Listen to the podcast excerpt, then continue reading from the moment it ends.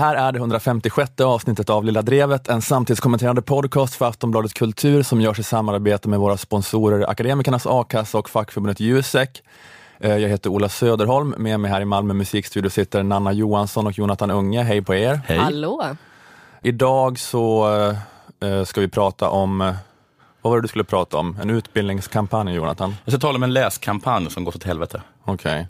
Du spoilade lite i vilken riktning den gick. Ja, riktigt, riktningen är åt helvete. Ja. Det, så, ja, det var dumt av mig. Ja just det, men det kommer att vara så i början utav ditt eh, anförande så kommer man inte veta vilken riktning kommer det här gå i. Nej. Men sen så blir det liksom en twist efter ett tag, man får veta att den går åt helvete. Så det kommer vara bågen i din prata. Mm. Vad ska du prata om Nanna? Eh, Jag ska prata om Fargos favoritskämt. Tv-serien Fargo. Jag ska också prata om tv-serie. Jag ska prata om The Handmaid's Tale igen. Det är säsongens stora tema i Lilla Drevet. Jag vet inte ifall ni har märkt Jo, det? jo. Jag har inte lyssnat. Nej, okej. Så charmigt med den här uppriktigheten tycker jag. Lovable asshole. Ja.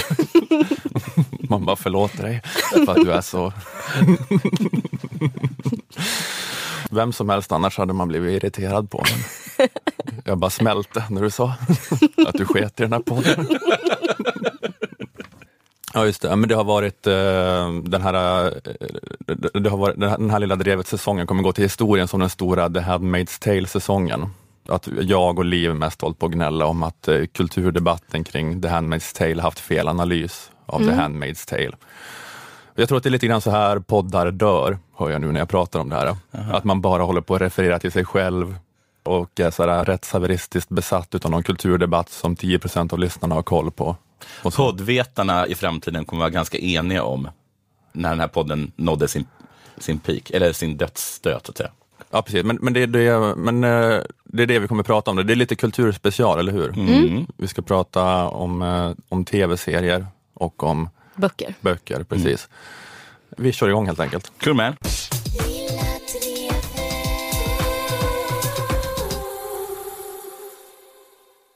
Nanna, Ja. Ola, Mm. kära lyssnare. Jag ska tala om sport. Okej. Det gör vi alltför sällan här i Lilla Drevet. Och nyheten jag ska ta upp, det är frukten av ett gacha, en gacha-journalistik som Sportbladet har bedrivit. Inför det nu pågående U21-EM i fotboll i Polen så genomförde Sportbladet en enkät med flera av landslagsspelarna, där en av frågorna var vilken som var deras favoritbok.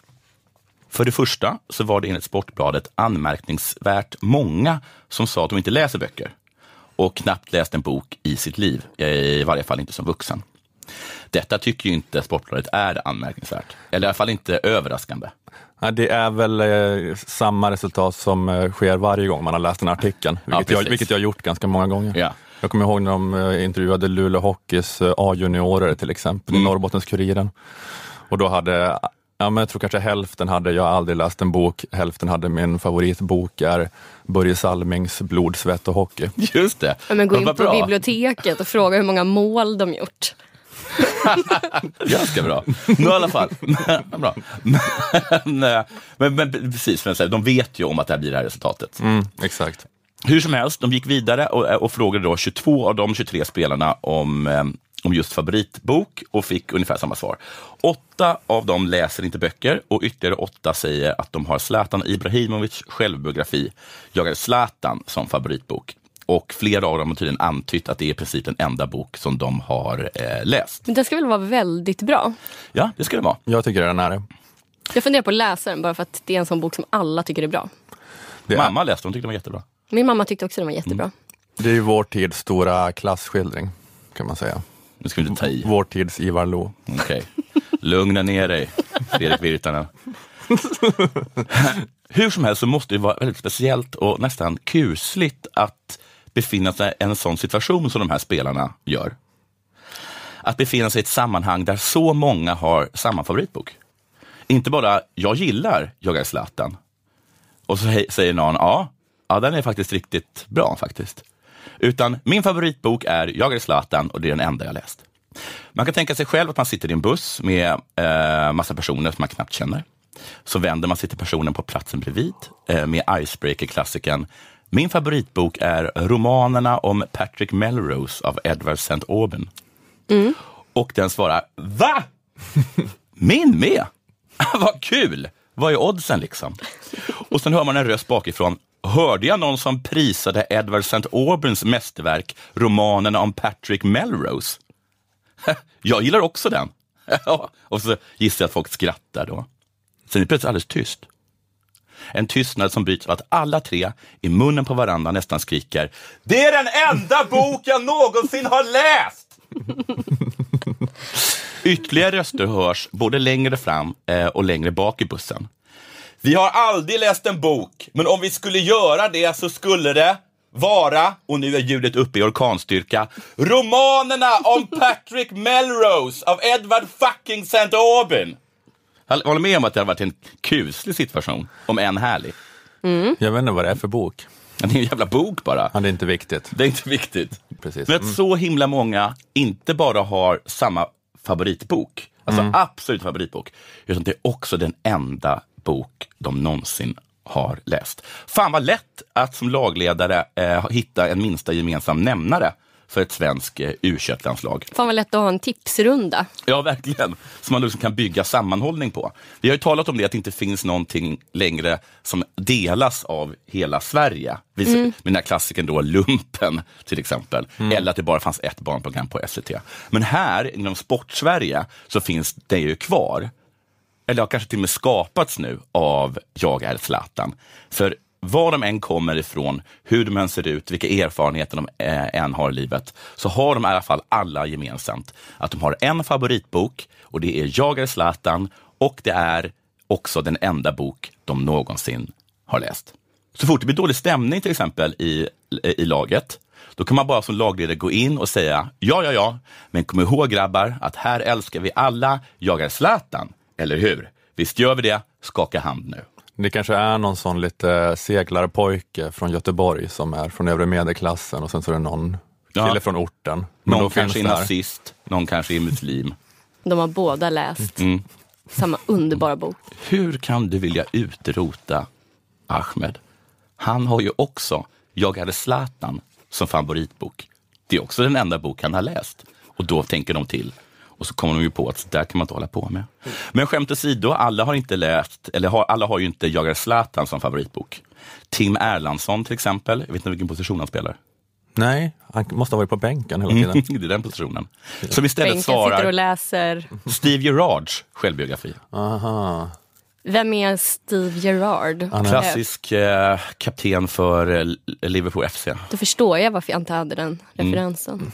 Samt eh, Anton Kajtoft som föredrar Björn Ferrys självbiografi. Åh herregud. Oj. Gud vad sjukt. Ja, det var faktiskt supersjukt. Han borde petas.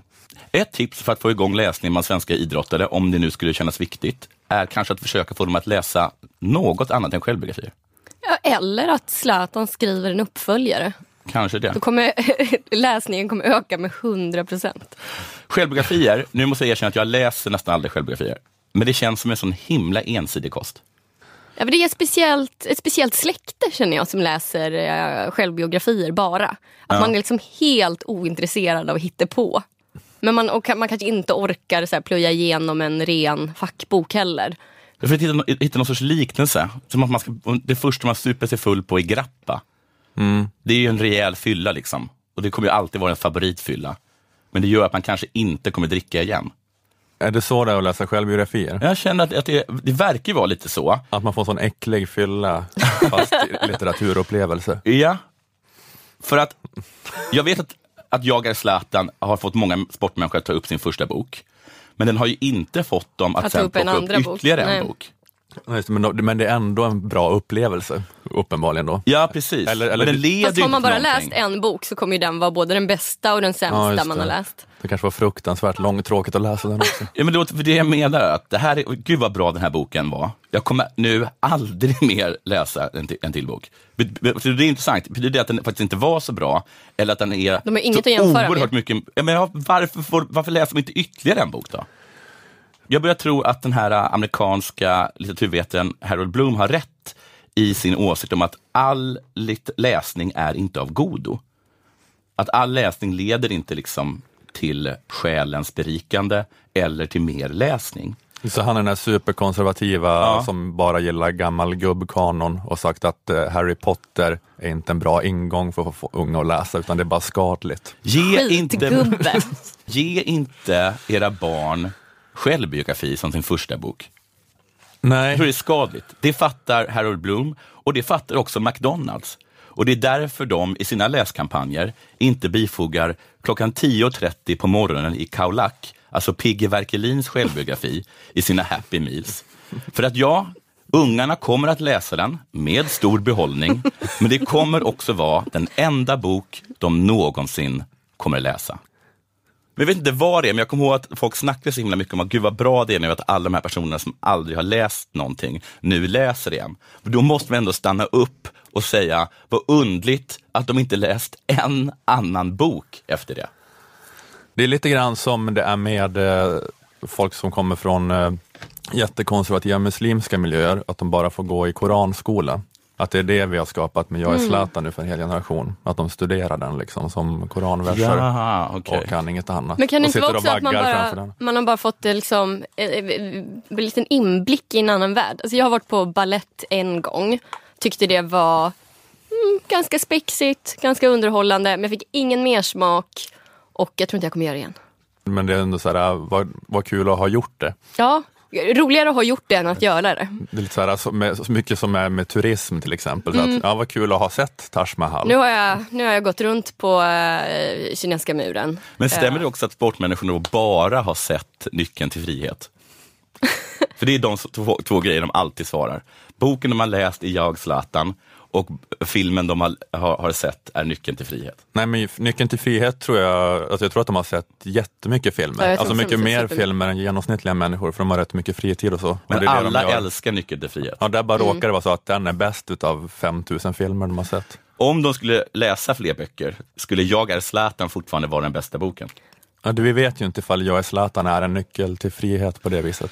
Nu vill jag bara ta alla och stänga in dem i en bunker och tvinga dem läsa romanerna om Patrick Melrose av Edward St. Aubyn och se vad det blir för utslag.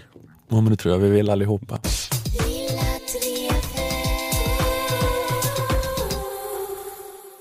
Lilla Drevet sponsras av Akademikernas A-kassa och fackförbundet Jusek.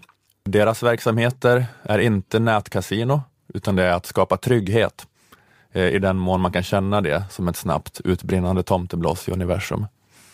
Jag har fått feedback från Akademikernas och Jusek att sponsmeddelanden De behöver vara poetiska. de behöver vara mer emo, har de sagt. Skicka mejl varje vecka, mer emo. Att vara med i Akademikernas a-kassa kostar endast 100 kronor i månaden och du får upp till 20 000 i månaden när du befinner dig mellan jobb. Läs mer på akademikernas.se om hur du gör för att gå med. Där kan du också läsa om varför det kan vara en bra idé att gå med redan när du är student, eftersom du kan bli berättigad till en ganska hyfsad ersättning bara genom sommarjobbande och extrajobbande. På akademikernas.se räknare finns också Akademikernas räknare där du genom att fylla i din inkomst senaste året kan eh, räkna ut vad du skulle få för a-kassa. Och även om du är 100% säker på att du aldrig kommer vara arbetslös så ska du vara med ändå av solidaritet med alla andra i landet som kämpar med att sälja sin arbetskraft och av solidaritet med Lilla Drevet. På akademikernas.se står det också att Akademikernas på Almedalen anordnar seminariet A-kassan, en god idé idag när du ersätts av en robot imorgon. Jaha, det skulle vara en god idé idag, en superdålig idé imorgon. Imorgon när du redan är ersatt av en robot är det för sent. Så det är ju precis, det är ännu en anledning att vara med i a-kassan då, att robotarna kommer. Många akademiker, till exempel de som arbetar i Jusek-branscherna, tjänar ofta betydligt mer än 25 000 kronor, vilket är a-kassans tak. Därför bör ni gå med i facket för att få en förbättrad inkomstförsäkring. Är du med i Jusek får du 80 procent av lönen upp till 80 000 kronor. Att vara med i Akademikernas och Jusek kostar 351 kronor sammanlagt. Är du redan Akademikernas medlem lägger du alltså bara till 251 kronor för att också få vara med i facket. Och jag ska också ge en shout-out till Juseks podd. Eh, Jusek har en podd som heter Jusek-podden där deras ombudsmän ger svar på frågor om semesterledighet, föräldraledighet, lön, anställningsavtal och så vidare för dig som är nyutexaminerad. Podden finns på jusek.se jusekpodden och även överallt där Den poddar borde finns. heta ljudsäck. Varför då? För att man lyssnar på Jaha, stavas med LJ. Jag tror det skulle bli otydligt faktiskt. Okej, jag sitter här och bara kastar ut eh, bra idéer. Ja. Jo, i och för sig. Det no judgment during brainstorm. Nej, Men nu är vi- Ni har inte lärt er att bara så här, säga ja. Ja, ja men. Ja men, det är en jättedålig idé. Ja, vi har hört dig. Nu, fuck Det var det off. dummaste vi har hört. Men vad heter det? Ja! Vi, vi ska ta med dig på såna här äh, teatersportövningar. Mm. Då, då finns det någon som heter Ja. Den är faktiskt jättesvårt. Det är jättesvårt Ja. att bejaka allting. Ja. Ja. Vi är hönor! Ja! Ja! Har du tagit steget och gått med i Akademikernas och snedstreck eller fackförbundet Jusek tack vare den här podden får du gärna skriva det i Jag din hörde inte ansökan. klucka! Och du kan också berätta om i sociala medier under hashtag Lilla Drevet. Klucka Ola. Klucka, klucka, klucka.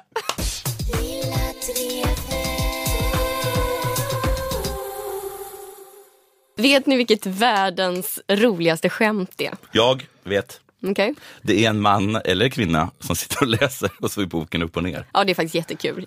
Vi pratade om det skämtet igår. Det är så är, himla bra. Det är smart. Jag tror att det är att eh, prins Daniel är lik Boxer-Robert. Det är också bra. Inte så smart. eh, nej, eh, ni har båda fel. Eh, för det, världens roligaste skämt är att människor på landsbygden är lite dåliga på data. Kul va? Ja. Det tycker i alla fall manusförfattarna till nya säsongen av Fargo. Fargo är som vi alla vet en av de absolut bästa tv-serierna som någonsin gjorts. Jag har inte sett Första den. säsongen var fantastisk. Andra säsongen var svinbra, om än inte fantastisk. Och tredje säsongen har börjat helt jävla awesome. ja, första avsnittet var verkligen grymt. Ja. Eh, Det finns bara en grej som stör mig med nya Fargo. Och det är just den här grejen. Att de gång på gång mjölkar samma skämt. Det vill säga att folk på landsbygden i Minnesota inte riktigt vet hur man använder en dator. Vänta, får jag bara... Det är en tv-serie fast det var en film för Det var länge en film sedan. för länge sedan. För den har jag sett. Och det är en tv-serie i samma anda.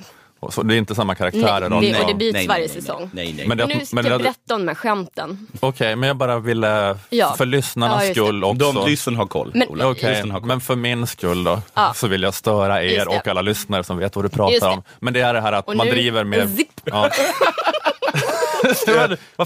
Stör vi dig med dumheter när du läser?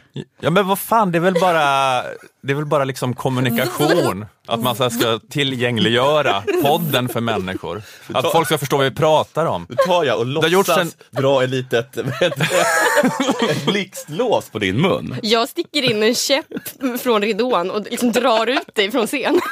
Ja, men jag vill bara, jag vill bara ha med mig, att folk ska vara med Ja, ja, på vad ja. vi pratar om. Ja. Det är en tv-serie. Det är en tv-serie, utspelar sig oftast i Minnesota. Eh, Man driver med de här Gustafsson, de här svenska ja, amerikanerna. Som Eh, är som med. är så himla eh, trevliga och lite, eh, lite bonniga. Eh, men i alla fall. Ett skämt i eh, senaste säsongen eh, går ut på att en gubbe på ett kontor måste ropa på sin sekreterare och fråga henne hur man googlar. Eh, ett annat skämt går ut på att en hel polisstation i Minnesota inte har något riktigt datorsystem utan skriver alla rapporter för hand. Så himla tokigt. Ett tredje skämt är att en kvinna inte har Facebook. Kan ni fatta? Året är 2010 och hon har inte Facebook. En hel dialog vigs åt den här tokigheten att hon inte riktigt vet vad Facebook är. Ha, ha, ha, ha, ha, ha. Så festligt, så absurt, så himla himla kul. Eh, jag har inte sett klart hela säsongen men man kan ju bara gissa vilka tossigheter som ska komma. Någon jävla lantis tittar misstroget på en smartphone, frågar varför den inte har någon sladd. En sån riktigt skitig redneck frågar, vad är Twitter? En gammal bonnelurk trycker en iPad mot örat, pratar i den som om det var en telefon. Det är, Comedy det är jättekul, eh, alltså den Det, bilden. det är faktiskt kul. Ja. Ja. Eh. För inget är ju så Ja, kul Ja, förlåt, jag lyssnade inte riktigt, men det var kul. Nu när det är det. Jonathan var tvungen att säga det, så Så, lyssnade så jag. då hajade du Jag var tvungen att höra det från en kille. Jag förstår. Så tyckte jag att det Men var var roligt. finns pennan till datorn? Kanske någon säger. Just det. Eh, nej, men inget är så kul som tanken på hur dåliga folk på landet är på teknik. Eh, till skillnad från oss stadsbor som är så tech-savvy att vi hinner multitask uppdatera våra 75 sociala medier-konton på pendlingen mellan bikram-yogan och den vanliga yogan. Medan de här lantlollorna sitter där med sina tjockdatorer med ADSL-modem och pekfingerskriver massa bonrasistiska felstavningar innan det är dags att gå ut och söndagsborsta geten. Så himla skönt för urbana människor att ha den här bilden av att tekniken och datakörkorten inte riktigt har nått ut till glesbygden. Eh, och så är det ju verkligen i vissa fall att nätet inte riktigt funkar överallt, eh, speciellt inte där det bor väldigt få människor. Men att folk på landet skulle vara så mycket mer teknikfientliga än folk i stan. Riktigt sky internet. Eh, jag köper inte riktigt det. Nej, Eh, jag heller. tror att det bara är sånt supermys för folk i stan att ha den här bilden och att glesbygdsmänniskor inte vet hur man tillgodogör sig internet. För i samma stund som internet finns på lika villkor överallt så finns ju allt överallt. Då tappar alla stadsbor sin identitet om att vara först med allt och sen beundras av sina kusiner från landet. Eh, De där kusinerna som kanske precis testat nymodigheten tacos för första gången. Tyckte det var lite för starkt. lite för mycket smak på den där milda salsan. Eh, Det är så man vill se folk från landet. Eh, Som sitter där eh, skeptiska med en taco i handen. Svettas. Väntar bara tills de får höra om sushi, tänker man. Då kommer de trilla av traktorn. Eh, Men åter till Fargo i alla fall. Eh, För jag blir faktiskt jätteförvånad av att en serie som ligger så pass mycket i framkant vad gäller typ karaktärer, handling, allting. Att de kan understå sig att mjölka det trötta gamla skämtet. Tänk att, att skämta om folk på landet inte kan använda Google. Det är för humorn en sorts motsvarighet till att inte kunna använda Google. Det, man är precis lika efter. För alla har redan skämtat ihjäl sig om att glesbygdsmänniskor och äldre människor och äldre glesbygdsmänniskor inte vet hur man googlar. Jag tror att det kanske är så att för att man vet inte hur man ska, liksom hur vad man ska driva med eh, folk på landet längre. För Mm. förr sa man ju bara, någon kom in och sa, hej jag kommer nu ifrån? Nej, jag kommer väl en liten by utanför Vetlanda. Det luktar skit! Äh, är din eh, brorsa din pappa? Ja, precis. Vilken trevlig ko, och är det din fru? För att då var alla liksom bönder, men nu är ju ingen på landet bönder. Så det finns ju inga bönder. Mm, men det är ju faktiskt eh, sant just det att internet funkar ju inte som allt eh, annat eh, ny Tired of ads barging into your favorite news podcasts? Good news. Ad-free listening is available on Amazon Music for all the music plus top podcasts included with your Prime membership. Stay up to date on everything newsworthy by downloading the Amazon Music app for free or go to amazon.com slash news ad free. That's amazon.com slash news ad free to catch up on the latest episodes without the ads. Modighet funkade, alltså även när jag var liten, att då var det att man åkte till Stockholm och då fanns det Pizza Hut, så gick man på Pizza Hut och så fanns det Laserdome, så gick man på Laserdome. Så det, har, det har ju ändå varit så då att man är lite före, men internet drabbar ju allt samtidigt. Men det är som Ja. att man sitter i storstan och låtsas som att det här funkade precis som Laserdome och Pizza Hut gjorde. och det gör det ju inte. Nej. Så det, det blir helt fel. Nej, det är som att man skulle så här skratta åt att de senaste skattereglerna inte har kommit till, till landet ännu. ja, alltså, Dan är fortfarande av 20 procent på bolånen. Okej. Har ni 23 procents bolagsskatt? Vi har 21 procent.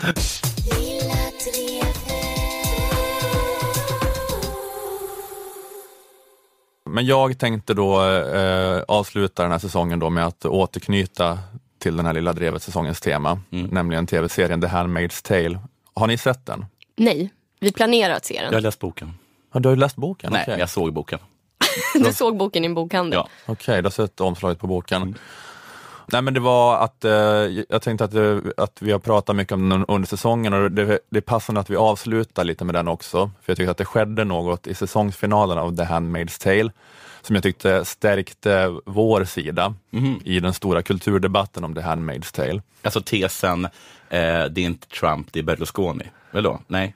Ja, just det, det var en av teserna, men det var mera eh, Livs tes snarare att det är propaganda för det rådande imperiet. Okay. Det är det The Handmaid's Tale är.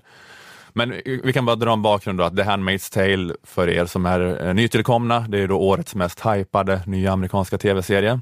Den är efter en roman av Margaret Atwood och den beskriver en nära dystopisk framtid där nästan alla människor har blivit infertila och en kristen sekt har tagit över USA och infört stenhård brutal teokrati och könsapartheid. Det hänger avrättade, otrogna och homosexuella och så överallt. Och de få kvinnor som är fertila är infångade och kallas för handmaids, tjänarinnor, och de agerar som vandrande livmödrar och sexslavar åt den härskande klassen. Huvudpersonen vi följer är en sån handmaid vars uppgift är att föda barn åt sin herre och hans infertila fru. Och eh, anledningen till att vi har pratat om The Handmaid's Tale är att eh, alla kritiker och kulturjournalister har skrivit eh, en miljard think pieces om att The Handmaid's Tale är ett centralverk om trumpismen. Som det stod nu på sajten TV-dags när jag gick in och kollade häromdagen. Deras 51 hyllning om vilken otroligt träffande skildring och satir av Trumps USA det här är. Ja, men det, det, har varit så. Alla, alla liberala hysterikor, de hade först Trump är Hitler-narrativet när han blev vald. Sen såg de Handmaid's Tale och då bytte de till att Trump är den kristna versionen av ayatollah Khomeini. Mm.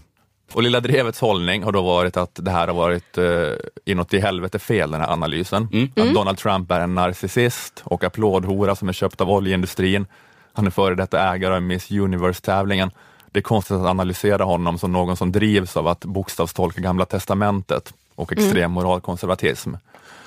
Men Liv sa något om att eh, det är svårt att tänka sig honom som en som har problem med abort.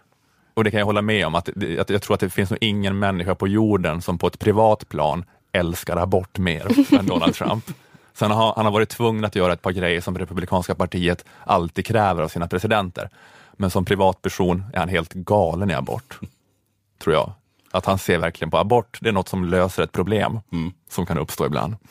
Alltså även om då Handmaid's Tale såklart är en karikatyr, men jag, jag, tycker liksom inte att det är en karikatyr av trumpismen. Det är inte åt det hållet alls.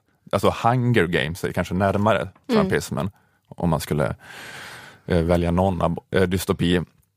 Jag tänkte också på det att jag fattar liksom inte varifrån det här skulle komma inom USA. Att vissa har sagt så här att visst, Trump bryr sig inte om Bibeln och moralkonservatism, men han har så här noll demokratisk ryggrad och så har han en massa högerspöken omkring sig som kan styra honom som en nickedocka och kan börja göra sådana här saker. Men då är det som att, har inte folk lite för låga tankar om den kristna högern? Att deras mål är att de vill införa teokrati om de får. Alltså det vill de väl inte? Ja, de vill inte ha teokrati? Nej, alltså de har ju haft makten, Reagan och George W Bush. Alltså de, är ju, de, har, de har ju inte varit bra för progressiv utveckling, men de, är inte, de vill ju inte införa Saudi, eller hur? De älskar ju konstitutionen och den sekulära staten. Ja, jag, jag förstår inte varför, jag tycker att folk är för hårda mot den kristna högern i USA. Okej, okay, men just aborträtten då, har, har de ändå kämpat för? Har de inte det? Jo visst, de har ju väl gjort massa saker för att begränsa den och bla bla bla. Men, jag menar, men de vill inte liksom eh, att man ska, att man ska hugga av händer och sådana saker? Nej, men jag menar, de är ju för rättigheter som utgår från individen och en stat som är separerad mm. från kyrkan. Alltså, det. det. är ju inte speciellt. Nej, det är verkligen, det är verkligen på. Det är, det är ju Reagan också, även om han är en tok-kristen dåre och den här Mike Pence, vicepresidenten, tror jag också är det. Alltså, de är ju bättre än saudiska liksom, mullor, faktiskt. Det, jag vet inte varför jag måste förklara det för alla liberaler, varför de är så anti-amerikanska. Ja, men det, det som jag sa när vi pratade om det här i avsnitt 149. Det där, eh, det där smarta som jag sa, vi lyssnar på det. Mm, vi lyssnar på det. Att Handmaid's Tale, att det, det är mera, och när man ser det så tänker det är mer att man tänker på kanske talibanernas Afghanistan, mm. eller att så, leva i ett mm. IS-ockuperat område. Precis. Ah, mm, det var jag med. Du var det. Jag sa att det var mera likt IS och sånt, eller hur? Och det var också som Liv sa sen när vi pratade om det här två veckor senare i avsnitt 151.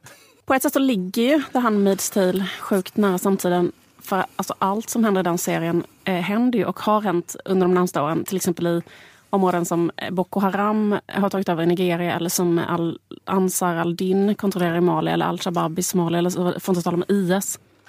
Eh, och det här fick ju ringa på vattnet. Mm. Det är våra det här med sale-analyser. Det uppmärksammades till exempel i P1 Godmorgonvärlden mm. när det gjordes ett reportage om den stora Handmaid's Tale-debatten. Sen här hemma i Sverige så la debattören och eh, serietecknaren Liv Strömquist in ett inlägg i debatten, nämligen att detta som beskrivs som en sci-fi dystopi av många liksom västländska medier faktiskt är en verklighet för många kvinnor runt om i världen. Mm. Nämndes jag mitt brummande i reportaget? Nej, men folk tyckte att det var så otroligt bra när Liv sa det jag sa två veckor innan. Hyllningarna tog aldrig slut. Briljant av Liv om journalister som försöker hitta Handmaid's Tale i USA när det finns i Iran och Nigeria, sa alla. men det var jättebra. Det var fruktansvärt bra sagt av henne. Men det var ju lika bra som Ola sa och, det, och lika bra som det jag brummade om. Ja, det var jättebra. Jag sa, jag sa precis efteråt. Ja, nej, men på riktigt så sa hon det mycket bättre. Eller hon, hade, hon, sa, ja, men hon pratade om att det, den här spaningen, att, det, att man bara bryr sig om det när det händer västvärldens kvinnor på låtsas och inte bryr sig om det när det händer överallt i världen på riktigt. Jo, men grejen var, det, skulle komma, det, det här är bara en lång resumé utav allt vi har sagt. Utav, Ja, pratar inte börjat ännu? Nej, den har inte börjat ännu. Oj, oj, oj, det kan okej. vara så att den aldrig börjar. Eller Jag tror att de sista 90 sekunderna kommer tillföra något nytt.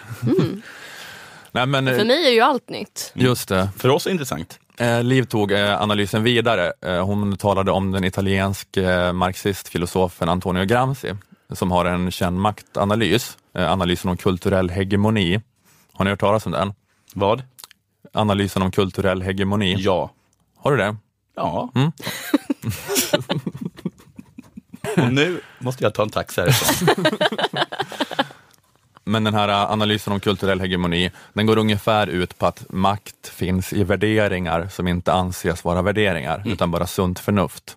Ja, de härskande understödjer en kultur med självklara och underförstådda normer som ger legitimitet åt de rådande ägarförhållandena. Att de härskande syn på saker är inte ett perspektiv bland andra, utan det är då hegemoniskt.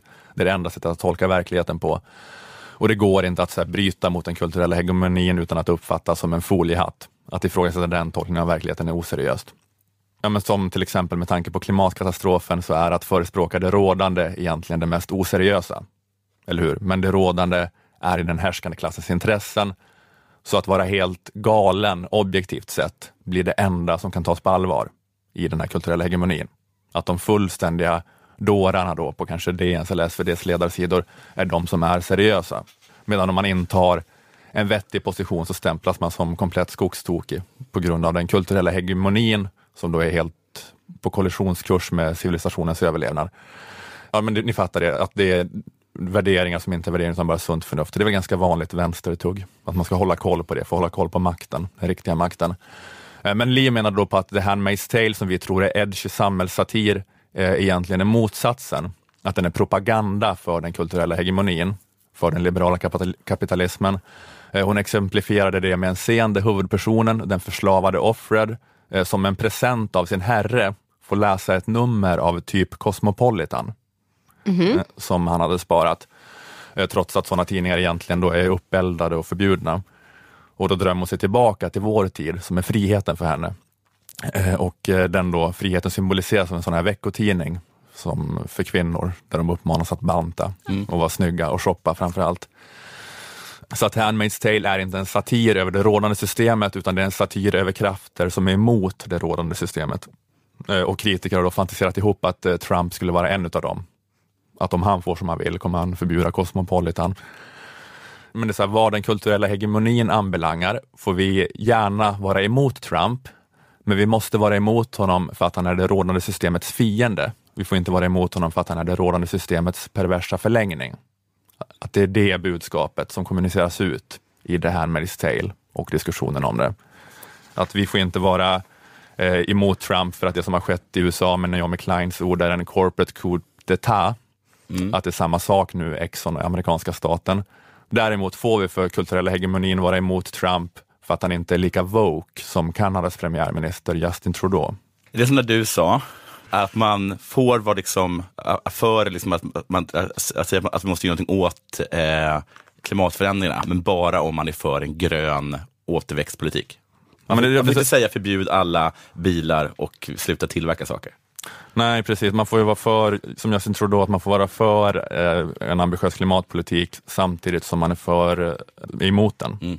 Man, man måste vara för rätten också. Man får att vara ta, ta för- upp all olja ur Kanadas oljesand. Man får vara för en generös invandrarpolitik om det, ba, om det innebär att det är så många som han hinner hälsa på under en dag.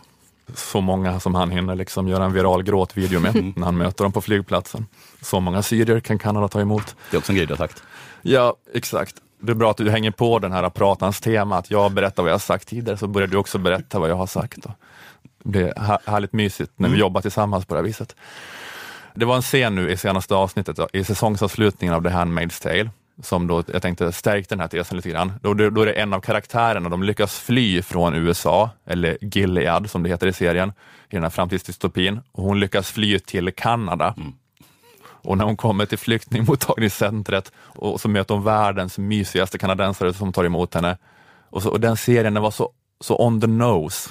Alltså den bara, alltså det, det tog aldrig slut. Kulturella hegemonin var inte subtil. alltså det var, det är i och för sig fiktion där, men jag kände, jag tror inte jag var ensam om det, att det här var bara oförblommerad propaganda för liberalismens stora posterboy, Justin Trudeau. Mannen som lyssnar på sikher. Superhjälten som har superkraften att respektera minoriteter. Nej men det var, det, det skulle bara liksom hamras in. Hur, alltså det var så här, jag vaknade upp och kommer till himlen, så det är bara ett skämt hur bra det är, hur snälla de är.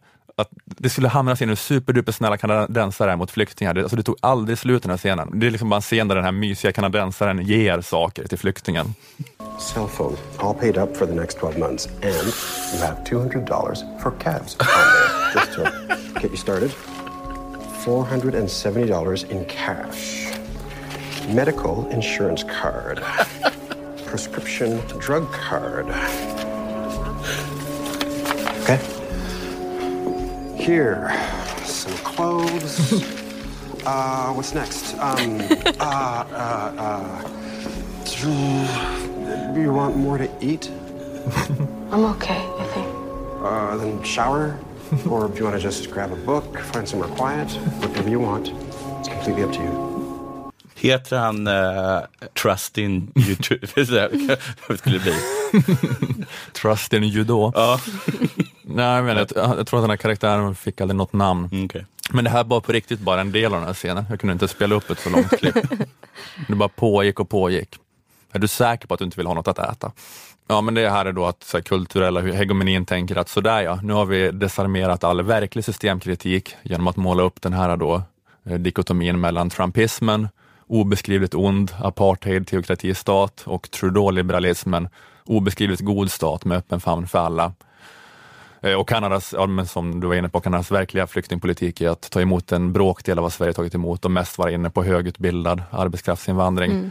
Ge oss era IT-tekniker, ja, precis. era vetenskapsmän, era trötta revisorer. Det är liksom vår tids Jesus som säger så. Mm. Nej, men jag tänker att det, det, här är liksom, att det här är en berättelse då som den eh, alltså kulturella hegemonin vill dunka in. Det är att eh, Trudeau ska förstås som Trumps motpol och inte som att han är till 80 procent samma sak. Att han också går i armkrok med oljeindustrin och så vidare. Eh, så att, eh, alltså, men, och det är klart att, Trump, att Trudeau är bättre än Trump. Jag tycker också att det är jättebra att han är woke. Men det är väl så här att, eh, att kärnan i Gramsci är att man vill eh, göra att vill man göra motstånd mot verklig maktutövning ska man ha en kritisk blick på viet. Alltså vilka vi är, inte på uh, den andra. Och det är bara liksom på de visen som Trump kan tolkas som de andra som han är ett problem, inte på det viset han är vi. Och jag, jag funderar på det, jag vet inte om ni också kan känna igen er i det här, eller det är lite allmän spaning jag har, att, att det här med att ha en kritisk blick på viet är svårare än vad det brukar vara just nu.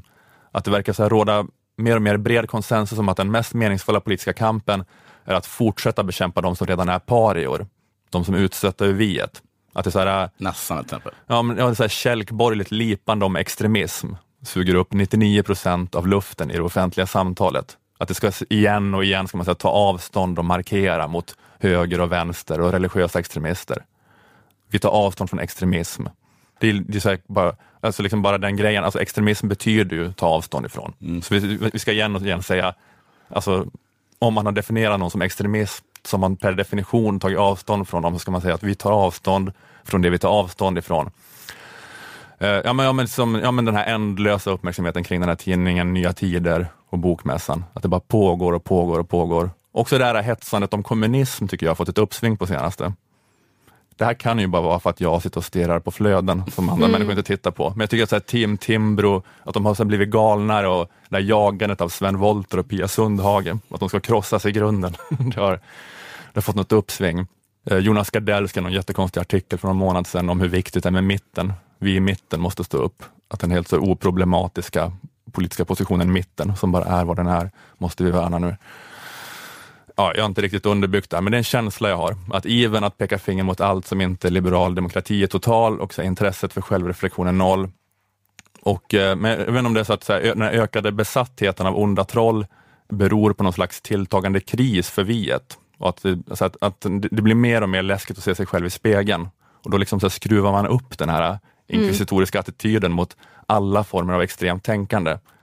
Jag vet inte, att det blir som att man sparkar bakut mer och mer när mainstream är så absurt att det nästan inte går att ta in. Ja, men som det här med Justin Trudeau som jag har pratat om, att, då, att han eh, drev på för att det skulle vara en och en halv grads uppvärmning i liksom, klimatavtalet och sen så ska han ta upp de här eh, 183 miljarder ton oljesand. Han bygger en ny pipeline för att ta upp dem från Kanadas liksom, eh, oljesand. Och om man eldar upp det så kommer man liksom jag tror här, han kommer gå ta 30 procent av den återstående liksom koldioxidbudgeten upp till en och en halv grad och Kanada är 0,5 procent av jordens befolkning. Så att han ska då övertrassera sin koldioxidbudget med 6 000 procent. Alltså att då att mainstream, att det är vi, att vara för en och en halv grads uppvärmning högst samtidigt som man övertrasserar sin koldioxidbudget med 6 000 procent. Att det bara något i ett sånt läge så är vi ett större problem än de andra. Ja, vi är ännu galnare. Det är så. Ja, vi, ja, precis. Eller vi kanske inte är ännu galnare, men vi är ju vi och det är vi som... För majoriteten då, eller då? Ja, men det är ju det vi gör som har en påverkan på samhället. Ja. Ja. Det är ju det som liksom är samhällsuppstörtande. Men, då, men den kulturella hegemonin kämpar på allt mer vildsint och skriker kolla på de andra, bland annat genom att producera The Handmaid's Tale. Fy fan för Margaret Atwood. Som rå kanadensare. Ja. Ja, just det, hon är ju kanadensare Mm. också. Hon är, det, det är kanske lite det som går igen, att det är så kanadensisk nationalism Det kommer vara så här, precis som med Hitler. När han bombade så satt de och, åh, varför tog de inte in dem på konsthögskolan? Så kommer det vara här nu också. Varför gav de inte Nobelpriset till eh, Margareta Atwood istället? Innan så de hade inte började producerat den här jävla Handmaid's Tale, som var den sista spiken i kistan. ja, Det sista som för- förblindade oss ja, just det. Att, hon, innan, innan havet reste sig. att Margaret Atwood är vår tids Hitler. Ja. ja just det. Mm. Jag har ju bara en, jag kan ha bara en liknelse till allting. Ja. Ja, det funkar ju. Men det är den ultimata liknelsen. Det är som att vi står och skriker åt eh, Nordisk front. Och så bara kommer vi hem, och så bara tystnar det. Så tittar vi in i spegeln. Och då har vi en brun skjorta och en liten nassemustasch på oss. Bra satir. Precis. Kul att du för, förklarade hela Olas prata i en typ sån Magnus Bard-teckning i DN. Då, slår, då slår vi sönder spegeln Ja. och så skriker vi Nej. Men Pia Sundhage då? Hon, hon är ju med i ett parti som har sagt att de tycker Nordkorea är bra. Jag kanske ska bli satirtecknare. Nej, men jag tycker bara att, eh, jag, jag gillar ju The Handmaid's Tale. Jag tycker att det är en spännande serie. Men, men, men det är ju bara det att det är propaganda för imperiet. Men det är väl inget fel med det. Det är nästan allting. Eller jag menar, det är inte värre än något annat.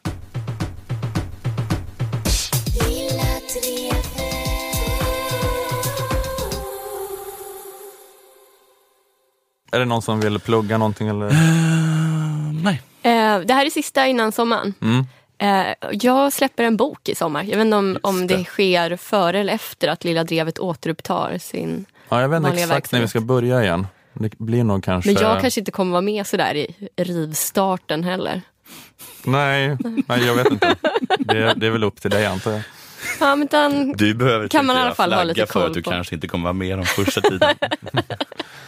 Ja, vad var det den hette för någonting? Skö- naturlig skönhet. Naturlig skönhet. Som du har tänkt att du ska sno. Ja, jag tänkte att Titeln. min standup-turné kan heta Ah, Naturlig just skönhet också. Jag kommer släppa två böcker i sommar.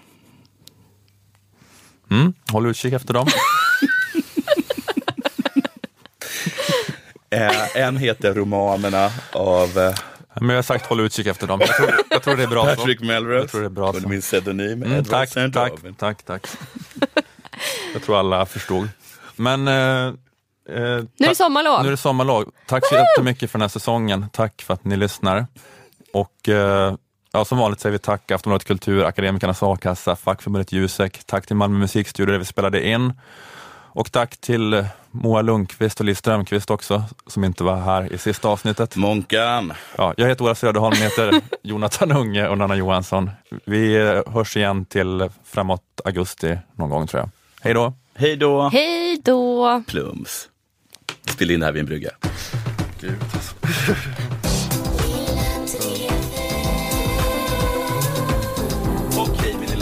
mina korvgrejer och killar. När vi? Uh, anledningen till att jag jobbar så sent är att jag skulle hinna klippa. Nej, jag kan, tänka sent också, men jag kan få det tidigt. Ja, men vi, kan säga... Vad ska du göra tio? Gå och lägga dig?